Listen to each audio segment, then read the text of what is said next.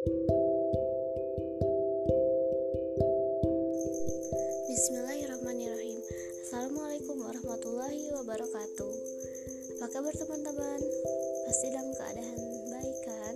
Alhamdulillah Gimana hari ketiga puasanya?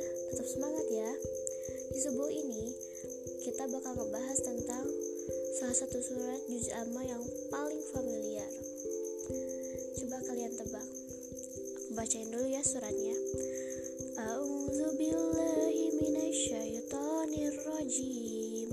Bismillahirrahmanirrahim.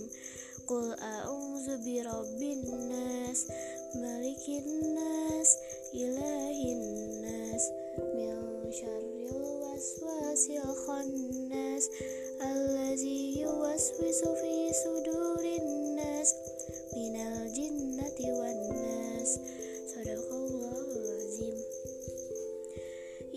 benar, surat An-Nas. Surat An-Nas termasuk golongan surat Madaniyah da yang terdiri dari enam ayat. An-Nas artinya manusia. Yuk kita lihat dulu apa sih mufradat dari surat An-Nas ini. Bismillahi dengan menyebut nama Allah. Ar-Rahman yang Maha Pengasih, Ar-Rahim lagi Maha Penyayang.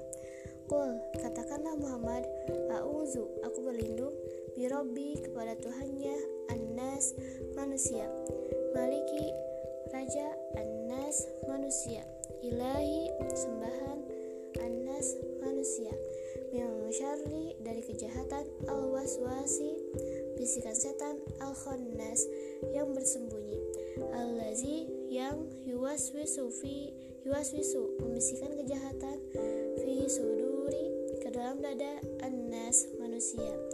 Minal jin dari golongan jin an wanas dan manusia. Nah itu mufradat dari surat An-Nas. Apa kalian tahu asbabun nuzul dari surat An-Nas itu? Oke sekarang aku bakal bacain ceritanya ya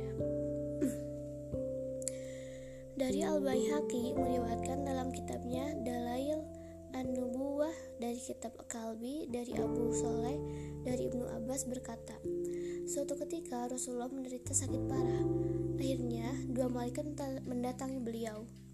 Malaikat yang satu duduk di arah kepala beliau Sementara yang satunya lagi berada di kaki Malaikat yang berada di arah kaki beliau bertanya kepada malaikat yang ada di sebelah kepala Rasulullah, "Apa yang sedang menimpanya?" Malaikat di sebelah kepala menjawab, "Dia disihir oleh orang." Malaikat di sebelah kaki bertanya, bertanya kembali, "Siapa yang menyihirnya?" Dijawab, "Labid ibnu A'sam, seorang Yahudi." Malaikat itu bertanya lagi, "Di mana diletakkannya sihir itu?" Dijawab di sebuah milik si Fulan di bawah batu. Oleh sebab oleh sebab itu hendaknya Muhammad pergi ke, ke sumur itu kemudian keringkan airnya lalu angkat batunya. Setelah itu ambillah kotak yang berada di bawah batu itu kemudian bakarlah. Pada pagi harinya Rasulullah mengutus Ammar bin Yasir serta beberapa sahabat pergi ke sumur tersebut. Ketika Ketika sampai di tempat itu, para sahabat melihat sumur itu berubah menjadi warna merah kecoklatan. Para sahabat menimba airnya dan mengangkat batunya, lalu memindahkan kotak kecil, lalu simpul. Lalu mengambil sebuah kotak kecil dan memakarnya. Ternyata di dalam kotak itu terdapat seutas tali yang memiliki sebelas simpul. Selanjutnya, Allah menurunkan surat An-Nas. Setiap kali membaca surat An-Nas, maka ter tali tersebut akan terbuka. Nah, itu asbabun nuzul dari surat An-Nas. Apa kalian tahu apa itu arti asbabun nuzul? Secara etimologi, kata asbab asbab adalah bentuk plural dari kata sabab yang berarti sesuatu yang mengakibatkan pada sesuatu yang lain dalam bahasa Arabnya disebut kullu syai'in yutawassolu bihi ila ghairi. Sedangkan kata nuzul berarti menempati. Selain itu, kata nuzul juga menurut Ibnu Al-Manzur memiliki arti turun. Seperti kata turun dalam kalimat nazala min fauqi ila asfal, turun dari atas ke bawah.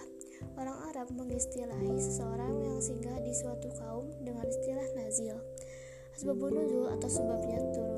Sebab turunnya Al-Qur'an adalah ilmu Al-Qur'an yang membahas mengenai latar belakang atau sebab-sebab suatu atau beberapa ayat Al-Qur'an turun. Contohnya seperti pertanyaan yang dijawab oleh Allah Subhanahu wa taala, kejadian sebuah peristiwa yang membutuhkan penjelasan dan peringatan adanya suatu permasalahan yang menumbuhkan penjelasan hukum, membutuhkan penjelasan hukumnya. Nah, itu pengertian asbabun nuzulnya. Jadi kalian sekarang udah tahu kan tentang asbabun nuzul. Sekian dari aku. Terima kasih. Wassalamualaikum warahmatullahi wabarakatuh.